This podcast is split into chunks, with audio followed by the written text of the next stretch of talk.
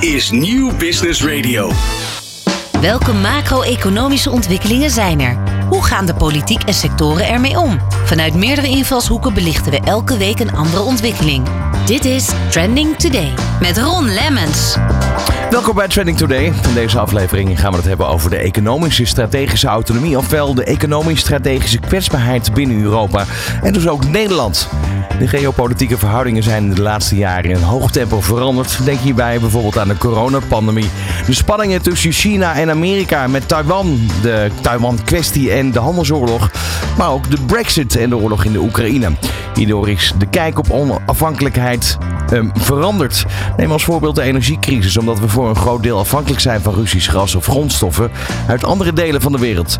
De enorme chiptekorten en de medicijnen die worden geproduceerd in Azië in landen als bijvoorbeeld Taiwan of Zuid-Korea. Die afhankelijkheid moet snel worden ingeperkt. De vraag is hoe? Dit is Trending Today met vandaag in de uitzending Tweede Kamerlid van het CDA Mustafa Amouch. Hij is betrokken bij dit onderwerp. Eigenlijk ook de tip geven om over dit onderwerp een uitzending te maken. En daarom gaan we uitgebreid met hem spreken. Verder professor Dr. Bart Los van de faculteit Economie en Bedrijfskunde aan de Universiteit van Groningen. En Wim Kannegieter, directeur van de Nederlandse Vereniging voor de Bakkerij. Dit is Trending Today op Nieuw Business Radio. Aan de telefoon uh, Tweede Kamerlid voor het CDA, Mustafa Amouch. Uh, Mustafa, uh, welkom in de uitzending. Goeiedag. Ja, de reden dat wij, dat wij elkaar bellen is eigenlijk dat we in, in april een uitzending gemaakt hebben. En um, ja, toen uh, eigenlijk met, met een thema aankwam dat je zei van nou, dat is misschien eens interessant om daar eens bij stil te staan. Het gaat over economische strategische autonomie. Je zou ook al kunnen zeggen strategische autonomie. Maar dan wordt het een, een veel breder onderwerp. Um, want ja, dat hebben we geleerd. Hè? Dat er is geopolitiek heel veel aan de hand in de wereld. Uh, de spanningen rondom Taiwan, uh, China. Uh, dan hebben we natuurlijk over Rusland, Oekraïne. Um, en, en Europa ja, heeft heel veel afhankelijkheid eigenlijk van deze continenten wat dat betreft ook. waar ja, Rusland, absoluut. absoluut. en, voor de, en voor de luisteraars, kijk, die strategische autonomie. Ik vertaal hem ook nu de laatste tijd ook wel naar, naar strategische kwetsbaarheden. waar zijn wij kwetsbaar als Europa? Als, want als ik het vaak over Nederland heb, dan praat ik over Europa op die schaal. En, en corona, maar ook daarvoor al waren wij, eh, ben ik zelf ook bezig geweest met eh, de industrie te herwaarderen. Eh, de maakindustrie. Daar hebben we ook verschillende vragen gesteld aan het kabinet om met een visie te komen. Dat heeft Wiebes toen ook gedaan met de eerste brief. En daar komt dit nu zwaarder op de agenda. Strategische kwetsbaarheden, hoe kunnen we zaken herbalanceren? Want kijk, het is niet zo dat we denken dat we in Europa, precies wat je zegt, we hebben geen grondstoffen, dat we alles in ons eentje kunnen. Maar de balans is wel zoek. Ja, wat een heel duidelijk voorbeeld is, is uh, natuurlijk een tendens. Uh, ik heb dat ook in een stuk gelezen. Uh, dat daar steeds meer bedrijven, eh, dat begon eigenlijk in de jaren zeventig al, richting uh, ja, lage lonenlanden vertrokken. De, maakindustrie vertrok uit Nederland. Uh, bedrijven gingen ook failliet omdat er concurrentie was van uh, ja, bedrijven in andere landen in de wereld waar, waar, waarbij eigenlijk de kosten veel lager waren. Um, ja, hoe, hoe, kijk je daar nu op terug? Want je kan ook zeggen van ja, dat was een heel logisch gevolg. Alleen nu moeten we herijken. Kijk, uh, het heeft natuurlijk even heel zwart-wit. Het heeft heel veel goede dingen gebracht. Als je kijkt naar uh, de derde landen, zeg ik even. Als je kijkt naar Azië voornamelijk. Hè. Naar Afrika, daar kom ik straks op terug, daar doen we heel weinig. Maar in Azië is, heeft dat natuurlijk een enorme economische boost uh, veroorzaakt. Hè. dat wij de chips in Taiwan en in Zuid-Korea zijn gaan maken. Dat zijn de, de wereldspelers op de microchips. Maar ook apparatuur, computers, alles. Maar daardoor zijn we wel een beetje blind geweest. Is, is die balans nog elke keer goed? Als je nu even afstand neemt, hè, en gelukkig is ook de Europese Commissie zover en je kijkt naar de chipproductie. Uh, chip uh, ik heb het niet over de machines, maar de chipproductie in de wereld. 70% ongeveer in Azië, 20% uh, in, in Amerika en 8% verdeeld over de rest van de wereld, waarbij Europa misschien 8% doet. Ja, daar hebben we wel uh, in die zin zitten slapen. We dachten van ja, dat, dat is niet erg. En, en hetzelfde de doorkijk is ook naar medicijnen. Hoe vaak mensen wel niet ook bij de apotheek terechtkomen, dat speelt ook al jaren van hè, de, de, medicijnen zijn niet op voorraad. Waarvan heel veel medicijnen toch ook wel in het buitenland uh, worden gemaakt. En ga zo maar door. Ja, we, we hadden eigenlijk zoiets als Europa, we laten ons faciliteren. Dat is eigenlijk waar het op neerkomt.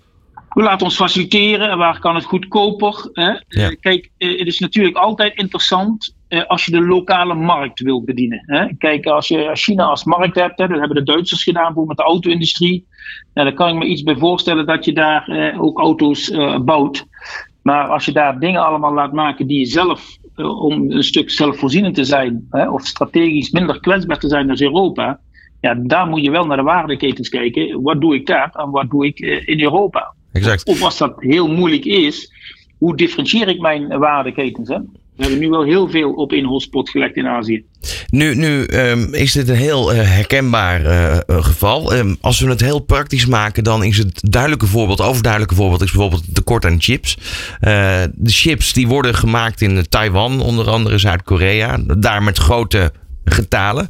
Um, dat is wel een, voorbeeld eigenlijk waar, waar, waar je ziet dat de industrie nu stokt op op sommige momenten. Omdat ze niet verder kunnen. Hè. DAF die uh, problemen heeft met, met de trucks bouwen. Uh, Netcar uh, in, in Born die problemen heeft met uiteindelijk de, de auto's van de band laten rollen. maar ook Philips die dus met medische producten in de knel komt omdat ze de chips niet kunnen plaatsen. Ja, dat, dat is absoluut. Hè. Het, is, het is al jaren een inzet. En, en, en, je ziet gewoon wereldwijd dat het product, eh, de chipproductie uh, elk jaar alleen maar toeneemt. En volgens mij zag ik van de Europese uh, Commissie getallen dat dat naar 1000 miljard gaat. Hè. 1000 miljard die, die hele chip omvangen. Dan hebben we over de mhm. chipproductie, de toeleveranciers, de machines. Hè. We hebben de ASML's en de ASMI's, de BASI's. Dus dat, wordt, dat is in, in een korte tijd gaat dat verdubbelen. Volgens mij zit het nu op 500 miljard wereldwijd naar 1000 miljard. Maar hier zie je ook weer dat wij inderdaad, kijk, we hebben in Europa heel veel aandacht voor andere thema's. Is ook eh, belangrijk, onderwijs is belangrijk, gezondheidszorg is belangrijk. Maar je ziet nu toch ook de economische ontwikkelingen naar de toekomst toe. Wat is onze nieuwe toekomstige economie? Hoe gaan we ermee om in Nederland en Europa? Waar zitten onze kwetsbaarheden? Dat dat nu gelukkig eh, op tafel komt. Maar uh, ik vind ook wel dat we daar uh, als kabinet, zeg ik ook, uh, wat steviger mogen doorpakken. Nu, nu, nu, hebben we het natuurlijk over twee kanten. We hebben het aan de ene kant over de Nederlandse politiek. we hebben het aan de andere kant over de Europese politiek. Waarbij er ook ja.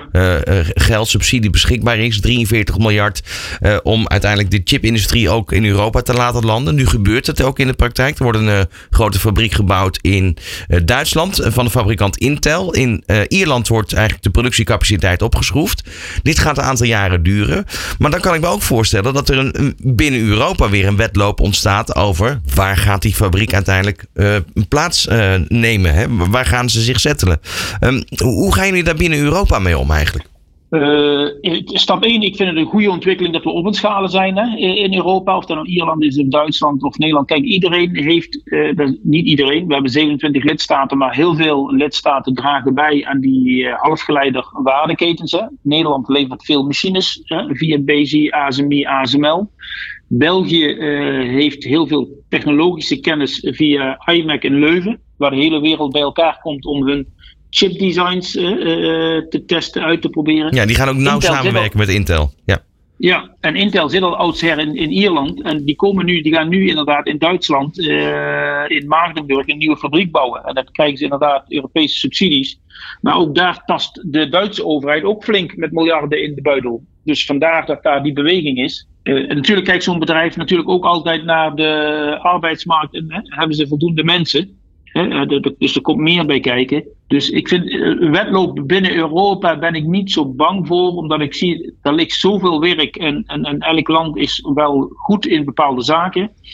Kijk, eh, wat interessant is, is in de toekomst toe zouden wij inderdaad voor fotonica, dat is de nieuwste, nieuwste generatie microchips, hè, zou je die in Nederland in de eerste fabriek neer kunnen zetten. Dat is wel interessant. Ja, dan kom je... de fabriek die nu in Duitsland wordt gemaakt, dat is een beetje van hetzelfde, zeg ik even, wat ook op andere plekken in de wereld Exact, dat is eigenlijk om, om tekorten op te schroeven of, of, of het gat dicht te lopen. Nu, dan toch even de vraag, want het gaat ook een beetje over, je zegt net al, in, in, in Duitsland wordt daar flink geïnvesteerd door de, Duitse overheid. Ehm, ehm, Nederland is een, zoals men zegt in Europa, in een, een soort van belastingparadijs voor grote bedrijven. Dan hebben we het niet over de brievenbusfirma's, maar ook voor de grote multinationals.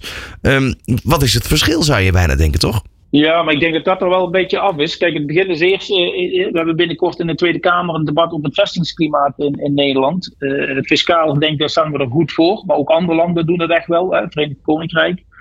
Maar we moeten eerst beginnen, ook als politiek, het bedrijfsleven en de industrie te herwaarderen. Dus ik soms vanuit verschillende debatten in de Tweede Kamer en bepaalde hoeken, eh, hoe men met het Nederlands bedrijfsleven omgaat. Ja, dat als je plannen hebt om naar Nederland te komen, dan word je is, is, is het ontvangst nog niet echt heel warm. Terwijl we toch innovatief toch nog steeds meedraaien in, in, in, de, in, de, in, de, in, de, in de rankings. We moeten oppassen op het gebied van onderwijs dat we niet, niet wegzakken, zakken, zeker technisch praktisch opgeleid eh, personeel. Dus dat moeten we blijven behouden, zeg ik even. Dan moet het ook lukken. Maar dat begint als eerste dat je ook echt een industrievisie hebt, industriepolitiek durft te voeren. En niet bang zijn omdat er in het verleden uh, met de RSV enquête, dat daar dingen fout zijn gegaan. Ja. De tijden eh, zijn echt veranderd. Kunnen we nog leren eigenlijk van die industriepolitiek van weleer? Ja, absoluut. Ik denk dat je, kijk, uh, de AIV, de Adviesraad Internationale Vraagstukken, die hebben juist op dit onderwerp pas geleden een uh, rapport uitgebracht. Hè, de industriepolitiek, ook strategisch, hè, slimme industriepolitiek. En die geven juist aan dat ook Nederland zal moeten kiezen. Niet alleen generieke instrumenten moeten bedenken, maar ook op verticale, hè, ze noemen het dan verticaal, op bepaalde sectoren. Welke sectoren willen wij nou in Nederland inderdaad bepaalde strategische autonomie, zoals je het noemt, hè, of minder strategisch kwetsbaar zijn.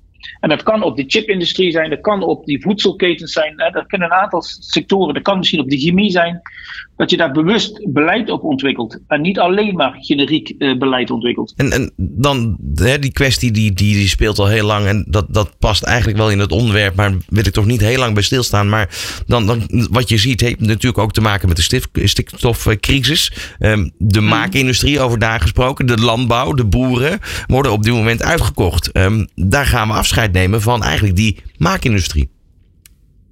Uh, kijk, de boeren uh, er is een hele discussie over stikstof. En ik vind dat de, de, de focus alleen op de boeren is, is, is niet goed. Hè, want alle sectoren moeten evenredig bijdragen. Dat geldt voor de industrie, dat geldt voor de luchtvaart, dat geldt voor alles. Maar, zeg ik erbij, ook bij de boeren. De boeren zijn ontzettend, hè, dat is de primaire sector, ontzettend belangrijk. Je wilt natuurlijk de primaire sector en innovatie. En, en de innovatie is vaak de brug, ook in de agro-foodsector, naar machines, naar technologie, naar kennis die wil je wel een bepaalde kritische massa behouden. Dus ik ben ook zeer in die zin waakzaam, samen met mijn collega Dirk Boswijk en anderen in onze fractie. En ook in de politiek. Kijk, dat er transities moeten plaatsvinden, dat is uh, onomkoopbaar. Maar we moeten echt wel ook hier, de, de agrofood, daar zijn we gewoon heel goed in. En de wereld heeft een hele grote behoefte en een grote noodzaak. Kijk alleen maar naar Afrika de komende decennia en voedselzekerheid. Dat is juist het terrein ook voor Nederland, waar ze uh, Champions League kunnen spelen, zeg ik even. Exact, dus, dus dat moet in de gaten gehouden worden. Dan terug even naar uh, andere industrieën, de maakindustrie terughalen naar Europa. Uh, dat vraagt wellicht ook eh, over ja, meer, op, meer anders opgeleide dan dat we nu doen in Nederland. We, we, we, noemen onszelf een kenniseconomie. wat moet mhm. daar gebeuren om op, op dit te laten aansluiten en dat het klimaat weer ja, eh, fijn wordt om, om hier een maakindustrie te gaan ontwikkelen? Uh, ten eerste weer, hè, herhaal ik, ik val in herhaling, hè, het waarderen van de industrie. Uh, en de industrie is niet meer de oude industrie alleen maar met blauwe overhallen. Hè, dat is het werk. Hè. De, de huidige maakindustrie, zeker heel veel MKB-bedrijven in Nederland. Ik zeg dat, hè, uh, in Engeland had je vroeger de blue collar workers. Hè, ik noem het hè, de light blue. Je ziet tegenwoordig MBO, HBO en universitair die samen op de werkvloer en complexe machines of hoog uh, uh, innovatieve producten werken. Of het nou voor de voedselindustrie is, of voor de halfgeleiderindustrie, of voor healthcare, de gezondheidszorg. Dat is denk ik de nieuwe industrie. Ik ben ook van overtuigd dat vakmanschap en praktisch opgeleid veel beter betaald gaat worden. Want dat is gewoon een kwestie van schaarste. Maar ik hoop wel dat we in een korte tijd wel voldoende van deze mensen kunnen werven, zeg maar, voor, voor het bedrijfsleven. Want anders maak ik me grote zorgen ook voor alle transities en ambities die we hebben als Nederland, maar ook als Europa. Ja, dat krijg je, krijg je ook. Wij krijgen dat in interviews veel terug. Um, MBO'ers voelen zich vaak ondergewaardeerd. Herken jij dat ook?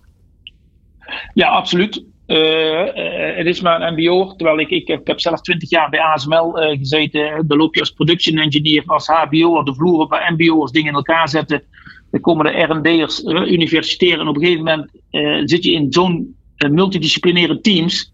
Dan doet het er niet meer toe of je een MBO, HBO of universitair. Iedereen draagt bij aan die complexe machine. En dat gaat denk ik ook wel de toekomst worden. En dat is ook een belangrijke taak van werkgevers om vanuit die bril inderdaad naar die werkvloer te kijken. Wat kan de politiek hier aan bijdragen? De politiek is essentieel eh, om de grote uitdaging en waar de politiek ook mee worstelt, samen met het onderwijsveld en natuurlijk het bedrijfsleven. Hoe krijg je eh, het, het onderwijs zo aantrekkelijk dat je technisch en praktisch opgeleide personeel eh, toch kunt opschalen? En ik, ik, ik, denk zelf dat je daar radicale keuzes moet gaan maken. Hè? Dus in het kader van bekostiging, maar ook in toelating. En ik weet dat dat misschien nog soms een taboe is in de, in de politiek. Wil je dat doen of wil je iedereen een vrije keuze laten? Ja, maar op het moment als de, als de schaarste en de noodzaak zo hoog is, ja, wil je mensen dan nog opleiden voor vrije beroepen waar de kans dat je in zo'n beroep gaat werken vrij nihil is. Exact. Um, nu, nu hebben we het steeds over, ja, eigenlijk is het toekomstverhaal, maar in het uh, hier en nu vandaag uh, zijn er veel sectoren die ook in de knel komen, met name door de hoge energieprijs. Daar wordt nu wat aan gedaan. Maar ook uh, de grondstoffen die, die problemen opleveren, noem de bakkerswereld, de bakkerssector. Um, wat kan je nu als, als politiek op korte termijn doen? Want ik kan me voorstellen dat je best wel voor een behoorlijk dilemma staat. Eh, een behoorlijk dilemma. Iedereen weet natuurlijk, de luisteraars ook. We komen uit de coronacrisis, waardoor de overheid, waar ondernemers eigenlijk uh, door overheid ingrijpen. Maar de overheid kon niet anders, toch veel uh, bedrijven heeft stilgelegd. Daar zijn honderdduizenden bedrijven geholpen via de NOW of TVL. En ik weet natuurlijk dat die NOW bij de werknemers terechtkomt. Ik hoor een aantal ondernemers al zeggen, ja, maar die komen niet bij ons terecht. Mhm. Dat klopt, het is ook een collectief en solidariteit in die zin.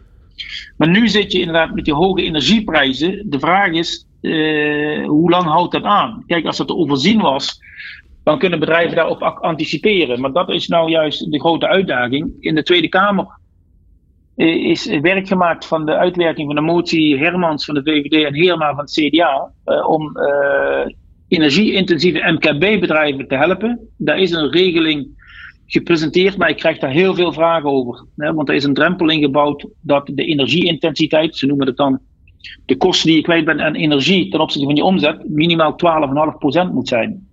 En de eerste signalen die ik krijg eh, eh, wekelijks is ja, dat heel veel bedrijven dat helemaal niet halen. Die komen 9 à 10 procent eh, in, in die orde grootte. Terwijl bijvoorbeeld bakkers van 150.000 euro naar meer dan een half miljoen gaan. Precies. Of richting die miljoen gaan in energiekosten. Ja. Ja, voor een paar maanden zou je dat misschien kunnen overzien, maar als het te lang duurt, ja, dan, dan maak ik me grote zorgen. Ja, want de signalen zijn natuurlijk nu al dat uh, veel bakkers uh, af failliet gaan, of de winkel sluiten, of niet meer vertrouwen in de toekomst. Um, we zitten in een hele roerige tijd. Um, nu is de politiek natuurlijk niet iets wat vandaag of morgen snelle beslissingen genomen kunnen worden. Um, je zit al uh, een behoorlijke tijd, ben je betrokken bij de politiek. Wat, wat kunnen jullie nu binnen de Tweede Kamer doen om toch bepaalde situaties te versnellen? Uh, wat, je, wat je ziet is toch, uh, als ik kijk even in, in, waar we over begonnen zijn, over die strategische autonomie. Daar was helemaal geen aandacht voor. Nee. Uh, daar is nu wel vo volledig aandacht voor gekomen. Ik moet zeggen, er wordt veel afgegeven op Europa of op Brussel. Als ik toch zie met de snelheid waarbij de Chip Act is tot stand is gekomen, vind ik dat heel goed. Hè? Dat er miljarden zijn vrijgemaakt. Ook Nederland profiteert daar enorm van. Door bij bedrijven die heel veel RD-capaciteit hebben, of universiteiten, dat ze daar zich kunnen doorontwikkelen. Dat is echt iets voor de korte termijn. Uh, en, en je ziet ook op andere gebieden dat in Europa best wel op samengewerkt wordt op bijvoorbeeld batterijtechnologie. Hè, op de IPCEI-programma's. Daar moeten wij op doorpakken. Maar aan de andere kant zie ik soms ook het kabinet in slow motion reageren.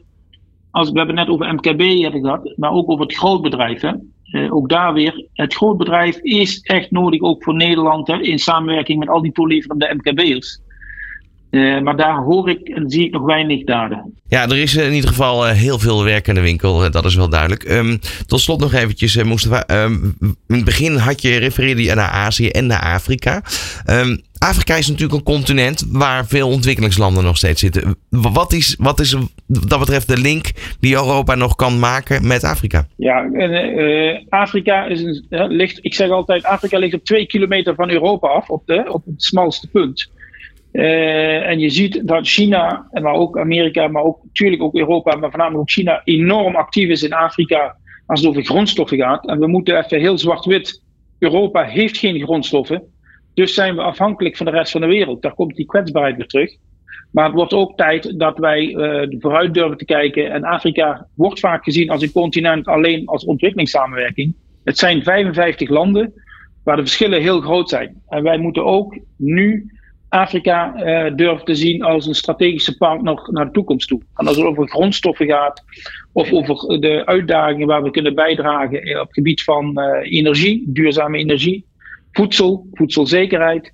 Daar kunnen Europese en Nederlandse bedrijven een actieve rol spelen, maar wel vanuit het uitgangspunt vanuit gelijkwaardigheid. En niet van wij komen even bepalen wat jullie zouden moeten doen. Exact, maar wat me wel moeilijk lijkt natuurlijk is de, de politieke eh, en de, de, de vredessituatie in veel van die Afrikaanse landen waar het toch vaak onrustig is.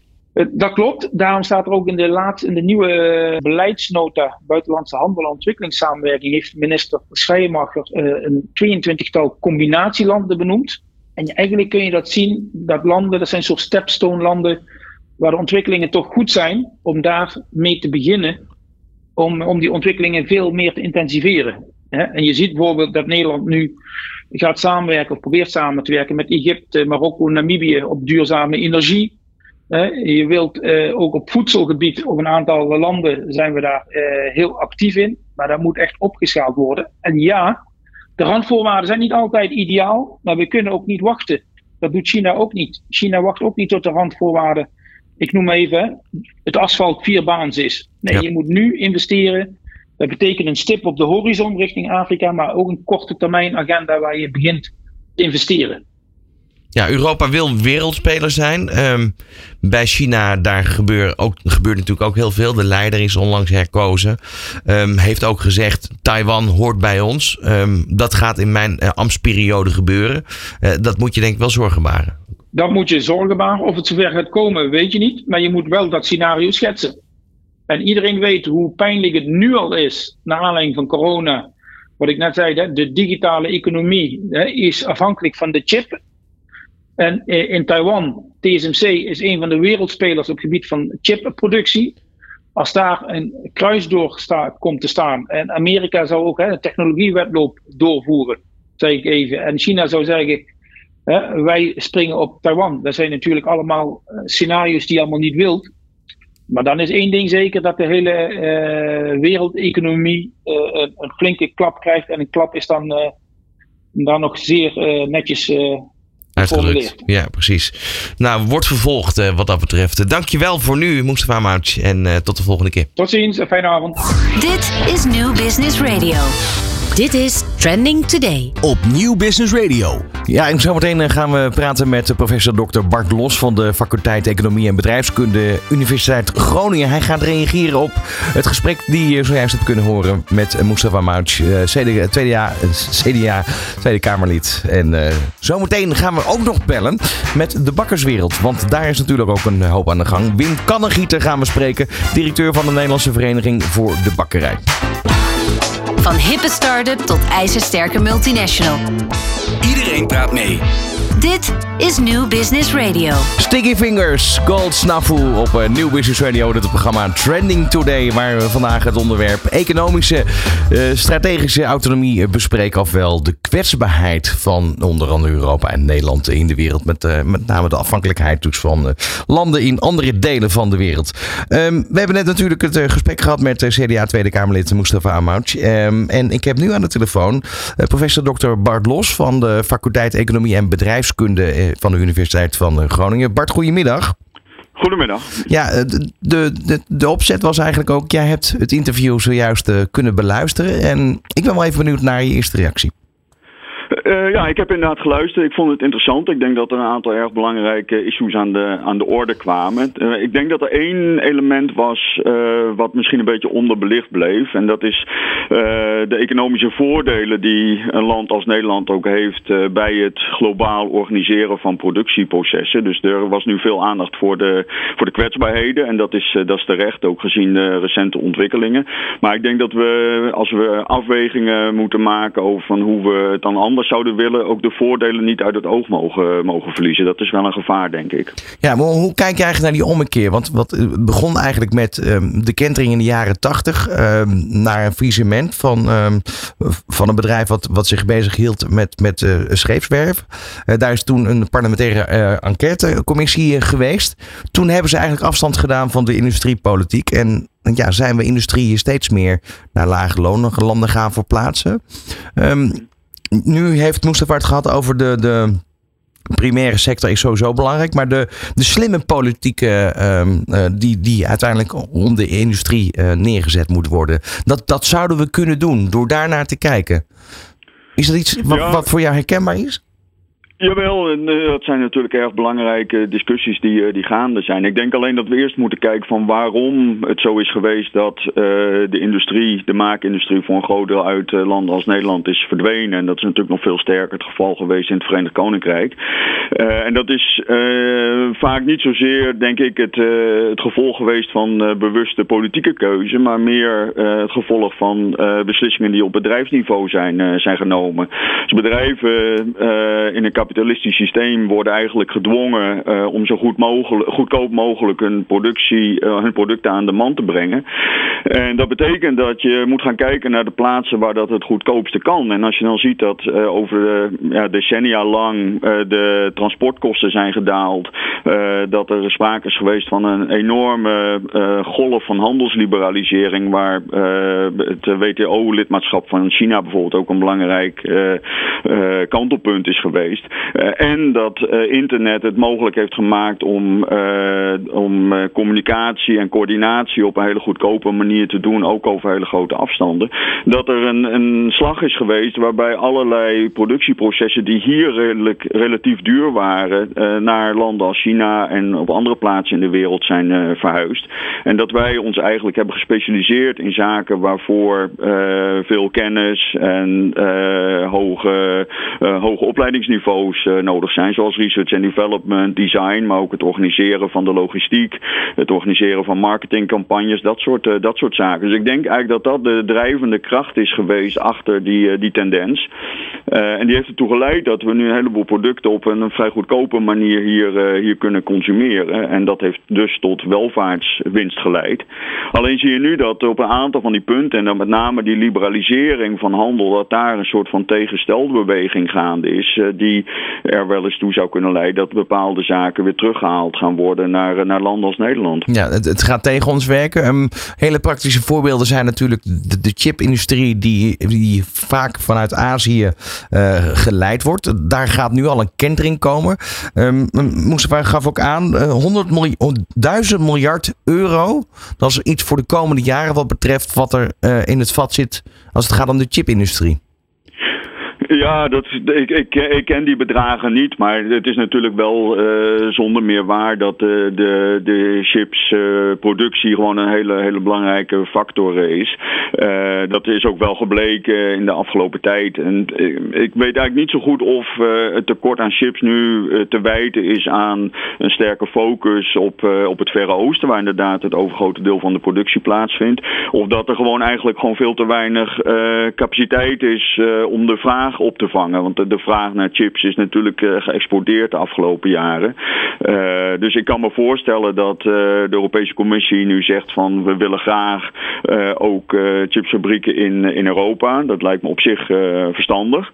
Ehm, maar ik zou het tekort niet meteen willen wijten aan een te grote ja, afhankelijkheid van, van Azië. Ik denk gewoon dat er te weinig aanbod is, te weinig productiecapaciteit. Maar goed, dan toch die geopolitieke spanningen in, in Azië onder andere. Taiwan, uh, ja. een ja. grote producent van chips. Um, stel het gaat daar mis, dan heb je een nog groter probleem. Ja, ja, nee, dat, dat is zonder meer waar. En dat bedoelde ik eigenlijk net ook toen ik aangaf dat er nu een soort van uh, kantelpunt is, is geweest. Dat het erop lijkt dat we heel erg lang uh, te maken hebben gehad met een, uh, een golf van handelsliberalisering. Ja. En je ziet nu dat, dat dat aan het veranderen is. Dus dat begon bijvoorbeeld met de handelsoorlog tussen Amerika en, en, en China, waarbij ook Europa een, een, rol, een rol speelde. Daarna kwam, kwam corona erover overheen. je ziet nu een grote beleidsverandering in, in China. ook al roept Xi, Xi Jinping op het eind van het partijcongres nog wel dat de wereld belangrijk is voor China en China belangrijk voor de wereld. Dat suggereert dat er samengewerkt moet worden. Maar heel veel mensen hebben toch sterk het idee dat China een autonomere koers aan het, aan het varen is. Ehm, en als dat zich doorzet, en die kans lijkt mij op zich vrij, vrij groot, dan kan ik me voorstellen dat ook bedrijven gaan denken van ja, kunnen wij nog wel blijven vertrouwen op, op productie in verre orde zoals, zoals China. Dat, dat, ik denk dat dat op zich terecht, ehm, een terechte vrees is. Dat dat, dat op de wat langere termijn niet, niet goed zal uitpakken. We hebben het in de praktijk natuurlijk gezien in de coronapandemie tijd, waarbij we afhankelijk waren van de mondkapjes uit China, de testen uit China enzovoort. Dan toch even terug naar Europa. Want Europa is dan uh, op dit moment een ommezwaai aan het maken. En uh, het praktische voorbeeld is die chipindustrie die naar Europa moet komen. Um, ik heb natuurlijk ook gevraagd over de wedloop die er eventueel plaatsvindt. Hè? Ik bedoel, je wil, je wil die industrie naar Europa trekken. Maar waar vestig je dan zo'n fabriek? Um, ja. dat, dat levert banen op. Dat is voor elk land natuurlijk interessant. Um, mm -hmm. nu, nu zie je dat Duitsland heeft in principe de, de aanbesteding van Intel gewonnen. Ze hebben flink uh, geïnvesteerd ook in de fabriek die komt in Maagdenburg. Um, daarvan heb ik dus de vraag gesteld: ja, waarom hebben wij als Nederland hier niet uh, op geaast? Uh, wordt er als antwoord eigenlijk gegeven van ja, de tweede generatie, de nieuwe generatie microchips, daar moeten wij ons op focussen. Is dat iets waar jij ook wel de reden ziet dat je denkt van ja, legitieme reden? Uh, ja, nou, om, daar echt een goed antwoord op te geven, moet je denk ik uh, echt veel inzicht hebben in uh, chiptechnologie. En hoe groot de kans is dat er op afzienbare termijn een nieuwe generatie, een generatie chips gevraagd zal worden en ook geproduceerd kan worden. Dat zijn natuurlijk altijd grote vraagstukken op het moment dat je industriepolitiek wilt, wilt voeren. Ehm, je gaat er dan eigenlijk vanuit dat je als overheid meer kennis van de, van de markt hebt en van, ook van de toekomstige markt dan het bedrijfsleven. En dat, dat is altijd riskant. En er zijn een aantal voorbeelden van landen waarin zo'n industriepolitiek heel uh, positief heeft uitgepakt. In Zuid-Korea is daar het voorbeeld van. Maar er zijn ook een heleboel voorbeelden van uh, vorm van industriepolitiek die rampzalig zijn uh, uitgepakt. Omdat je eigenlijk bleef hobbelen achter, achter de feiten aan bleef hobbelen als, als land.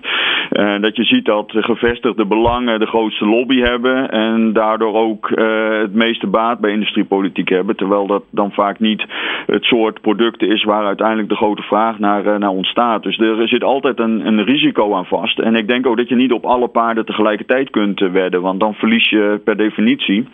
Dus ja, of in dit geval het, de keuze van Nederland een, een goede is geweest, dat durf ik niet, niet te zeggen. Maar er zitten voor- en nadelen aan. Het, ja, het, het, kan allemaal niet, niet gratis. En je ziet nu natuurlijk ook in Nederland dat er een tekort aan arbeidskrachten is. Dus dat betekent dat we ook niet alles hier kunnen doen.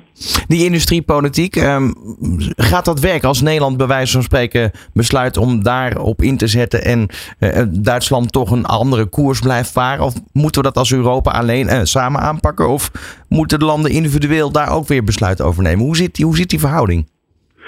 Nou, ik denk dat het goed zou zijn als dit op, op Europees niveau zou, uh, zou worden, worden aangepakt. Uh, kijk, Nederland is natuurlijk, uh, als, als, als je naar het land zelf kijkt, ook een vrij kleine, kleine speler. En ik denk toch dat er hier een, een, ja, soort pan-Europees beleid nodig is.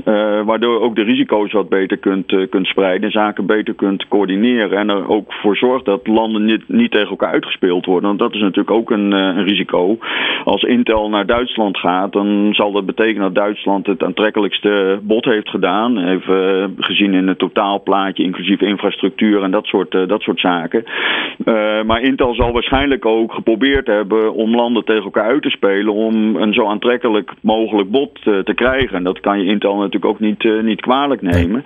Op het moment dat je als Europa als geheel dit soort onderhandelingen gaat voeren, dan sta je veel sterker eigenlijk. en wordt de kans ook kleiner dat je als het ware te veel betaalt om zo'n uh, zo'n bedrijf uh, binnen te halen. Ja, dan heb je naast de deur heb je natuurlijk Engeland nog. Uh, door de brexit eigenlijk onafhankelijk. Um, ja. In hoeverre moet daar een samenwerking mee gezocht worden op dit gebied? Ja, dat is, dat is lastig. Uh, kijk, op, op zich zou je zeggen van ja, er moet samengewerkt worden met het Verenigd Koninkrijk. Uh, punt is natuurlijk dat dat ook altijd gebeurde op het moment dat het Verenigd Koninkrijk nog, uh, nog lid van de, van de Europese Unie was. Dat zijn ze nu niet meer. Er is een enorm wantrouwen ontstaan door onderling tussen de EU aan de ene kant en, en het Verenigd Koninkrijk aan de andere kant door de erg moeizame onderhandelingen over de, over de uitreding. Um, uh, op dit moment speelt natuurlijk ook dat uh, de macro-economische situatie in het Verenigd Koninkrijk heel erg onzeker is. Dat bleek wel uh, twee of drie weken geleden toen die mini-begroting van, van Liz Truss werd, werd behandeld en de financiële markten heel heftig reageerden in negatieve zin vanuit het Verenigd Koninkrijk gezien. Ehm, dus ik weet niet of het Verenigd Koninkrijk op dit moment de meest natuurlijke partner is om mee, mee op te trekken. Maar ook als je het Verenigd Koninkrijk buiten laat, is de EU gewoon een hele grote economische factor. Uh, die uh, met de, de, overblijvende 27 landen best een vuist zou kunnen maken. Ja, die vuist, uh, over die vuist gesproken. Um, China is op dit moment ook veel aan het investeren in Afrika. een, een, plek waar veel grondstoffen te halen zijn. daar zei Mustafa ook nog wat over dat daar ook een, ja, een plan moet komen. We moeten daar naar kijken, want het ligt letterlijk, zo zei hij het, twee kilometer van Europa af. Uh, we moeten investeren in Afrika, maar wel op gelijke gronden. Uh, dus niet zoals het uh, vroeger ging in de kolonialiteit eigenlijk. Nee, dat, nou ja, ik denk dat dat gemakkelijker gezegd is dan, uh, dan gedaan. Op, zich is het natuurlijk waar dat, uh, dat Afrika onontgonnen is. En zoals de levensstandaard in China enorm is gegroeid nadat er intensieve handel tussen Europa en China en, en, Verenigde, en de Verenigde Staten en China is ontstaan. Zo zou zoiets op den duur ook in, in Afrika misschien, misschien kunnen.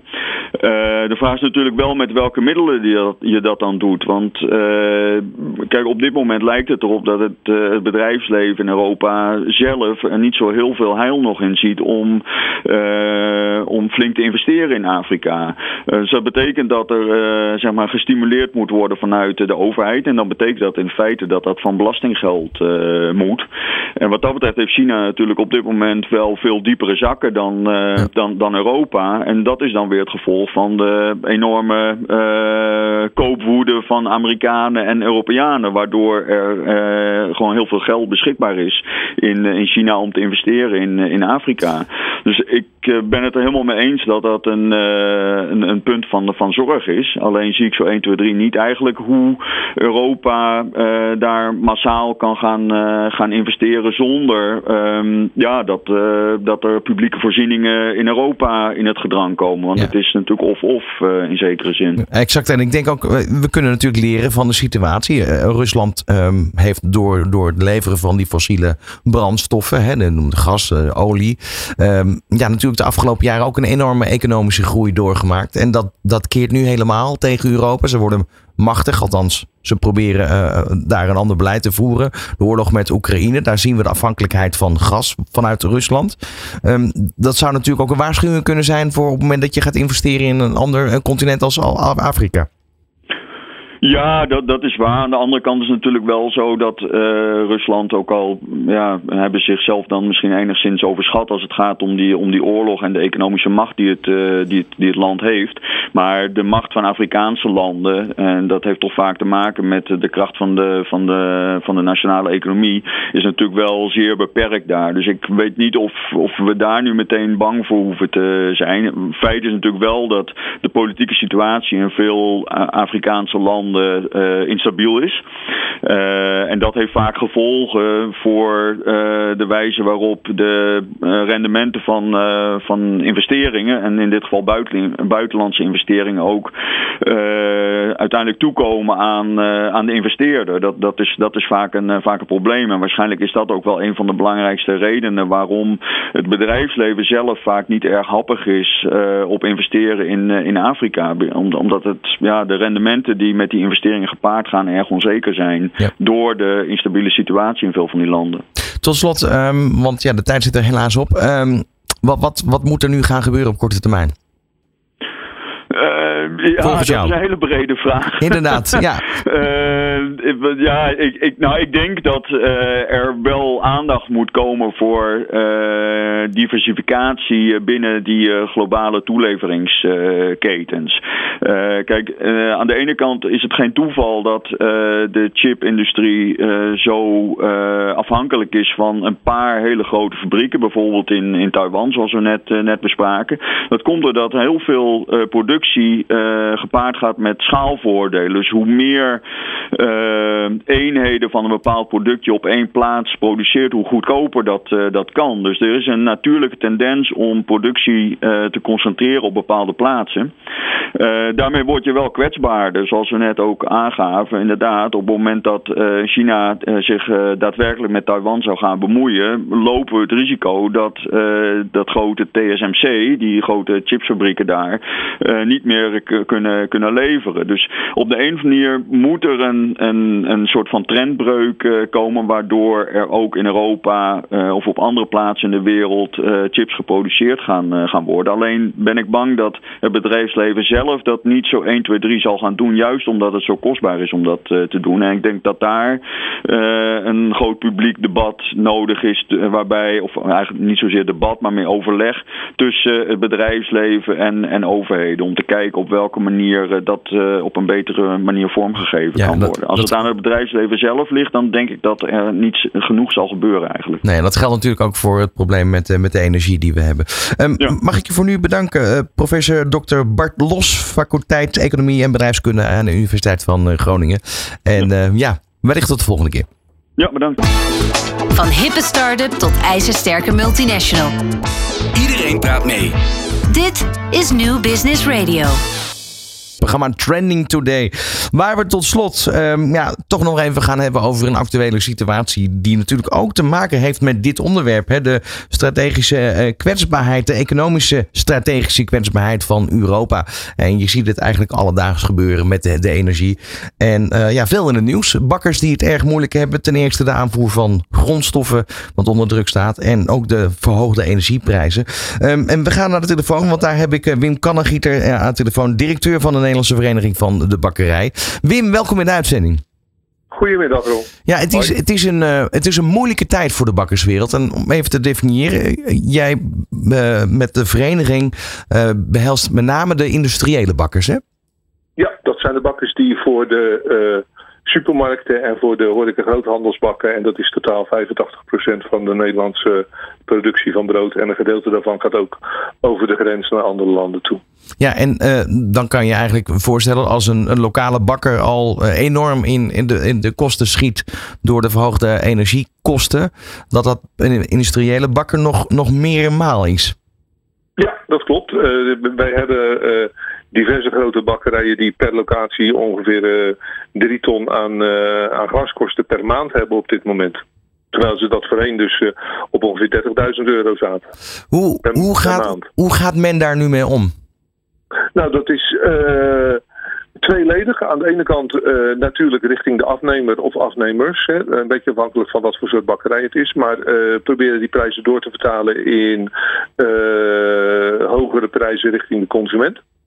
Op dit moment praten we over een een uh, broodinflatie van 10% ten opzichte van dezelfde maand vorig jaar.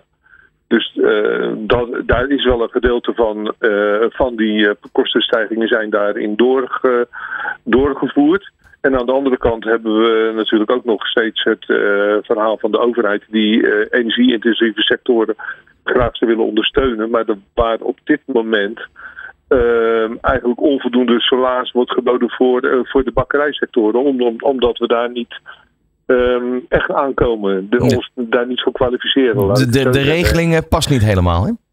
Nee, die, dat, die uh, dat is eufemistisch uitgedrukt. Ja. Um, nu kan ik me ook voorstellen dat je, dat je echt in een spagaat zit. Want je kan inderdaad de kosten doorberekenen op de consument. Maar daar zit natuurlijk ook een plafond aan. Dat, dat is ook zo. En het is ook, als je kijkt naar een gemiddelde dagversbakker die dus brood levert aan een supermarkt. Die heeft ook te maken met een, een, een, supermarktformule die een bepaalde prijspolitiek voert en daar in sommige gevallen zeer terughoudend zal zijn om bepaalde prijsverhogingen door te voeren. Ja, eh, nu, nu kan ik me ook voorstellen dat je als, als vereniging hierover met de politiek in gesprek gaat. Want um, we kennen het een beetje van de coronapandemie, waarin toch heel snel gereageerd is uh, destijds op ja, sectoren die erg onder druk kwamen te staan, doordat ze gesloten werden. Dat is nog een extremere stap uiteraard. Maar um, zie je daar toch wel enige flexibiliteit?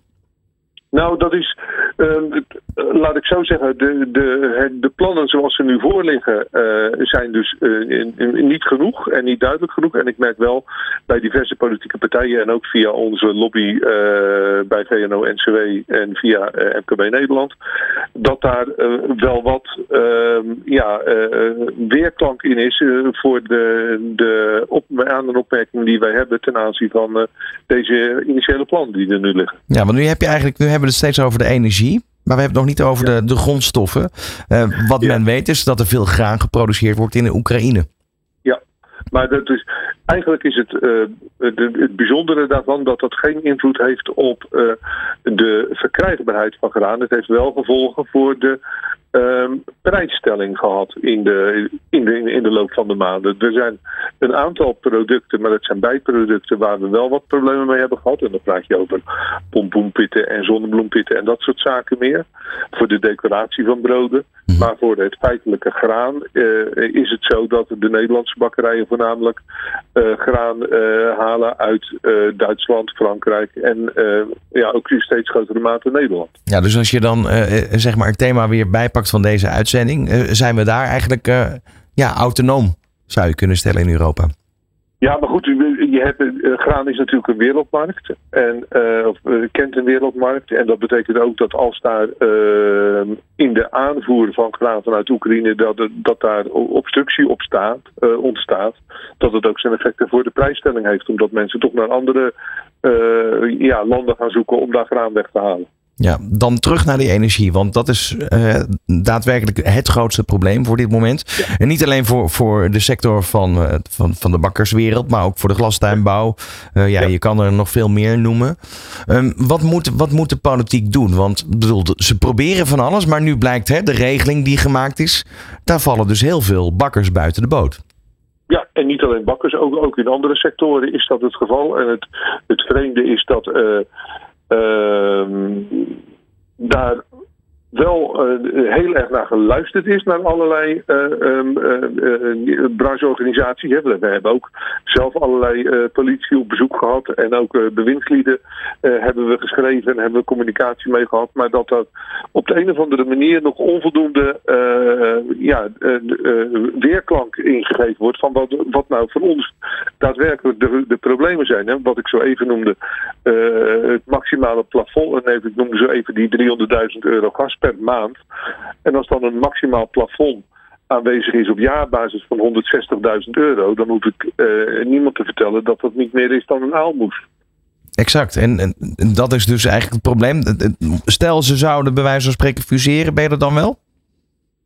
Sorry? Stel, bakkerijen zouden met elkaar fuseren, waardoor je grotere um, afname hebt. Ben je er dan wel volgens de regeling? Nee, dan ben je, dan ben je er ook niet. Omdat als je kijkt naar die, naar die regeling, daar wordt uitgegaan van MKB-situaties. En uh, als je dus meerdere bakkerijen bij elkaar hebt, dan kom je dus op een situatie dat je niet meer als, als MKB kwalificeert. En dat je dus per definitie niet in de regeling valt. Je bent te groot Terwijl dan. de aard van de bedrijfsvoering wel gewoon puur MKB is. Dat zijn vaak kleinere, uh, of tenminste bakkerijen waar 100, 150 man werken, uh, of, soms nog minder, en die, die een heleboel brood produceren. En als je dan een fusie hebt van, van vier of vijf bakkerijen, dan ben je geen, geen MKB-bedrijf meer. Exact. Nu, nu is, het, is het zo dat we voor deze winter gered zijn, bij wijze van spreken. De, de gasvoorraad is op orde. Uh, er komt enige stabiliteit, in hoeverre je over stabiliteit kan praten. Maar hoe nu verder? Ja, dat is een hele goede vraag. Uh, uh, het zal toch op de een of andere manier zijn weg moeten vinden richting uh, de, de consumentenprijs. Omdat dat uiteindelijk de, de enige oplossing is die daadwerkelijk de, de kostprijs voor, voor ons voor de langere termijn kan dekken.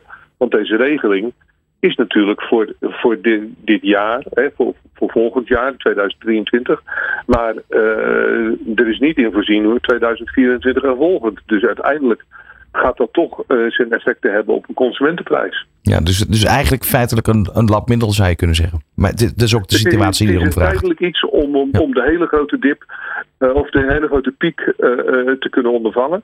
Maar als, het, als we gaan praten over een normalisatie, op wat voor niveau dan ook, dan, dan is de meest redelijke, uh, het meest redelijke vooruitzicht is dat dat in de consumentenprijs uh, verspijkerd moet gaan worden. Dus nog meer inflatie in feite? Ja, dat, dat is, uh, laat ik zo zeggen, een, uh, een volkoren brood wat, die nu 1,59 kost bij, bij een grote supermarkt. Die, die gaat misschien richting de ja, 1,80, 1,90. Ja, nou, we, we, gaan het allemaal zien. En het is, het is een onrustige uh, tijd. Dat is een, uh, een conclusie die we allemaal kunnen trekken. Ik wens, uh, ik wens u er veel succes mee met de vereniging ook. En dankjewel voor nu. Ja, dankjewel en fijne avond nog. Wim Kannegieter was dat directeur van de Nederlandse Vereniging voor de Bakkerij. Tot zover deze aflevering van Training Today. Ja, het, het, is een onderwerp waar we nog heel lang over door kunnen praten. En uh, wellicht ook gaan doen in een van de volgende uitzendingen. Bedankt voor het luisteren voor nu. Terugluisteren kan via de website newbusinessradio.nl. Graag tot de volgende Training Today. Dit is New Business Radio.